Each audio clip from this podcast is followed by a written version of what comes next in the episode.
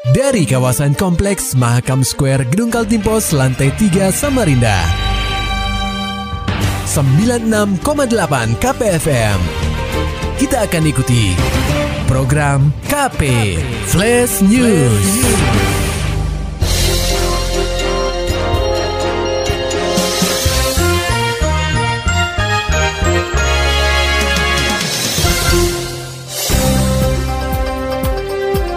Anda sedang menyimak program KP Flash News bersama saya Agung Pratama.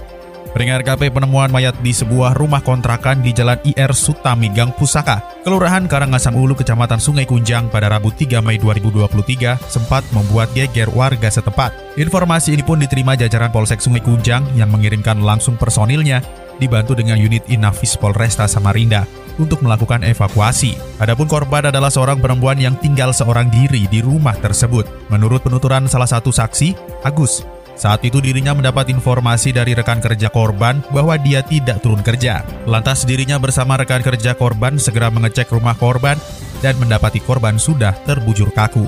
Karena dia kan kerja, dan nggak masuk kerja dicari dari perusahaan. Saya tidak nyaut, dia disuruh ke sini. datang ke sini ya. Nah, baru sama orang-orang di sini, ajak dia, ajak Buka. kan, buka dilihat. Ada sebelumnya ada sakit atau bagaimana Pak? Bilangnya orang-orang di sini Bang sakit. Oh, Oke, siap. Sementara itu, salah satu tetangga korban, Arsi, menerangkan bahwa malam sebelumnya dia sempat berbincang dengan korban yang baru saja pulang dari Balikpapan. Ia menuturkan bahwa korban memang kerap mengeluh sakit dan sering batuk.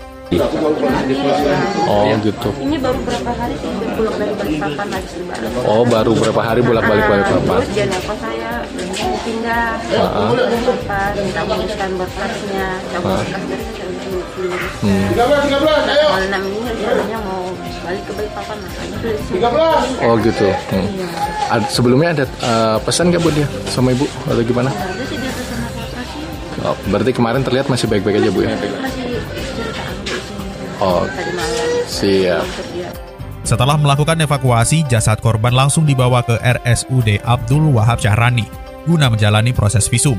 Keluarga korban sendiri menolak untuk melakukan proses autopsi dan akan segera membawa korban ke rumah duka di Balikpapan. Berita selanjutnya, pendengar KP, 17.000 ASN akan pindah ke IKN tahun depan. Otorita IKN segera siapkan fasilitas pendukung. Laporan selengkapnya akan disampaikan reporter KPFM Samarinda, Muhammad Nur Fajar. Pembangunan Ibu Kota Nusantara atau IKN terus dikebut oleh Kementerian Pekerjaan Umum dan Perumahan Rakyat atau PUPR. Beberapa gedung seperti Istana Presiden dan Wakil Presiden serta kantor empat kementerian koordinator tengah dipercepat pembangunannya karena targetnya pada 17 Agustus 2024 mendatang. Upacara kemerdekaan Indonesia akan dihelat di sana. Selain itu, Mulai tahun depan juga pemindahan aparatur sipil negara atau ASN dari Jakarta menuju lokasi IKN akan dilakukan secara bertahap. Deputi Bidang Sosial Budaya dan Pemberdayaan Masyarakat Badan Otorita IKN, Alimuddin mengatakan, sebanyak 17.000 ASN dengan rincian 12.000 pegawai negeri sipil atau PNS dan 5.000 personil TNI Polri akan pindah ke kawasan IKN. Terkait dengan 17.000, 16 17.000 ya kurang lebih 17.000 ya kurang dua orang 17.000 akan pindah tahun depan 12.000 ASN, eh, 5.000 sekian TNI Polri. Ya. Itu mereka sudah di, di, ditata, pemberangkatannya sudah ditata mulai sekarang. Ditata mulai sekarang, ada yang berangkat sekitar 50% itu yang bujangan gitu ya. Ada yang berangkat eh, suami istri tapi belum punya anak. Ada yang berangkat dengan suami istri satu anak. Oleh karena itulah kita siapkan dia sekolah revitalisasi sekolah tadi jangan sampai mereka nggak jadi pindah hanya karena sekolahnya tidak ada atau ada sekolah yang tidak sesuai dengan yang diharapkan. Perpindahan 17.000 ASN ke IKN ini tentunya harus diimbangi dengan fasilitas yang representatif. Salah satunya dengan kehadiran sekolah yang berkualitas.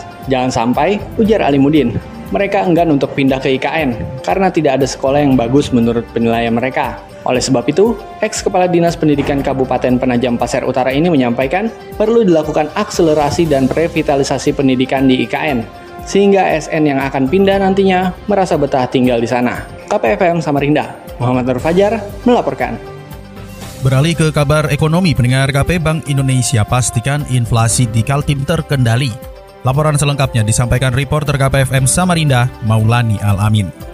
Bank Indonesia memastikan inflasi di Kaltim terkendali. Menurut laporan Bank Sentral tersebut, Inflasi gabungan dua kota, yakni Samarinda dan Balikpapan, tercatat pada Maret 2023 sebesar 0,59 persen bulan ke bulan, lebih tinggi dibandingkan bulan lalu yang sebesar 0,11 persen bulan ke bulan. Kepala Kantor Perwakilan Bank Indonesia Kaltim, Riki Perdana Gozali menerangkan, berdasarkan kelompok pengeluarannya, andil inflasi terbesar berasal dari kelompok makanan, minuman dan tembakau yang diikuti transportasi. Tekanan terutama bersumber dari kelompok komoditas pangan dan transportasi, khususnya angkutan udara seiring dengan momentum HBKN Ramadan dan dilanjutkan Idul Fitri yang diperkirakan akan meningkatkan permintaan masyarakat.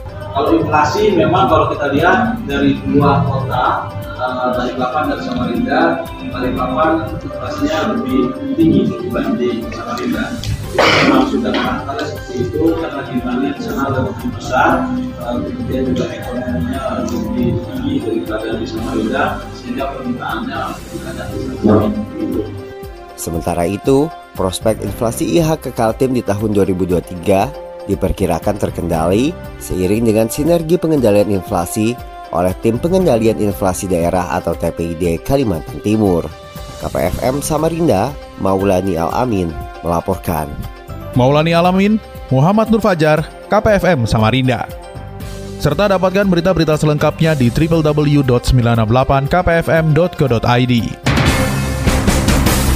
Demikian tadi telah kita simak rangkaian berita-berita yang terangkum dalam program KP Flash News. Persembahan dari 96,8 KPFM. Terima kasih dan sampai jumpa.